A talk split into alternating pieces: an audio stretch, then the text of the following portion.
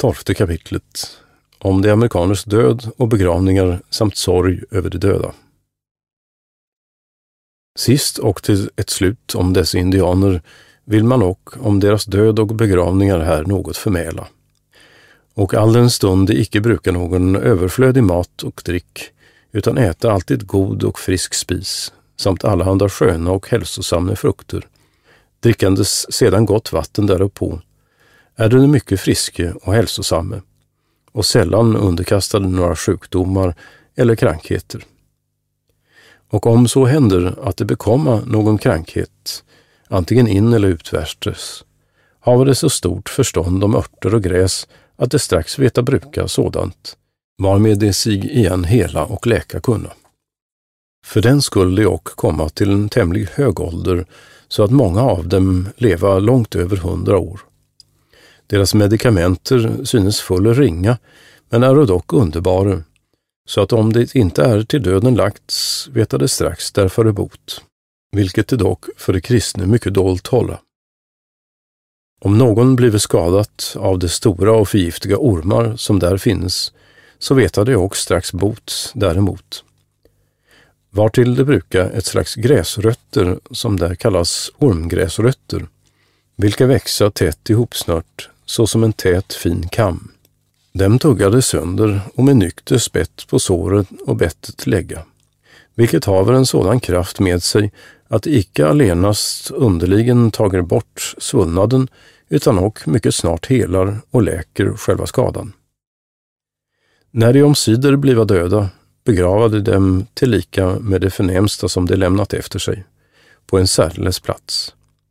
Då pläga och den dödas närmaste släkt lägga kostbara saker ut i graven hos den döda, såsom ett tecken av den kärlek de draga till honom. På det att han måtte hava något i förråd till dess han, efter deras mening, ska komma till ett annat härligt land som är mycket långt bort västerut beläget, varest på överflödigt jagande och fiskande ingen brist skall vara. Graven göra det helt trind och fodra henne inuti runt omkring och på botten med trä eller bräder för det förnämsta. Sedan sätta de neder den döda med hans sköld och vapen tredummelt ihopböjder och händerna fastbundna, en på vardera sidan om huvudet.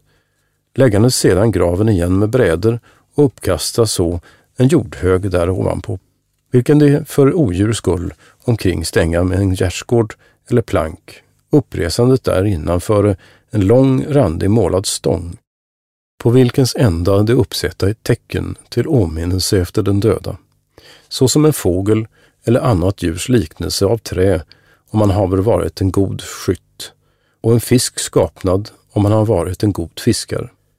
Sedan går hans släkt och vänner en gång om dagen i tre månaders tid och sätta sig omkring graven att begråta den döda.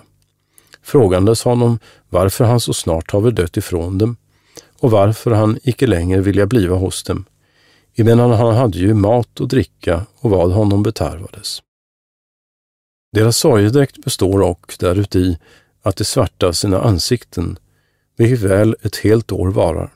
Eljest värderade och mycket högt sina gravar, havades noga akt att de inte mådde nerfalla, eller med gräs överväxa, på det icke med tiden må förfaras och i förgätenhet komma.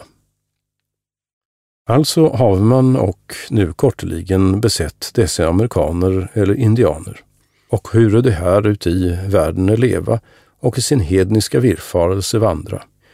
Oss kristna åligger att vi detsamma betänka och tacka den store och allsvåldige guden som oss, som och intet ut i mindre mörker famlat, så nådeligen därifrån till ljuset fört haver. Bedjandes och därjämte att samme gode Gud ville och dessa hedningar till sin sanna kunskap och kännedom komma låta, att jämväl deras ögon måtte öppnade varda och de få se Herrans salighet, som allo folke berättar. På det de må omvändas ifrån mörkret till ljuset och ifrån Satans makt till Gud. Och att således Guds heliga namn måtte jämväl utav dem härligen lovat, prisat, upphöjt bliva, här timmelig och sedan där evinnerlig.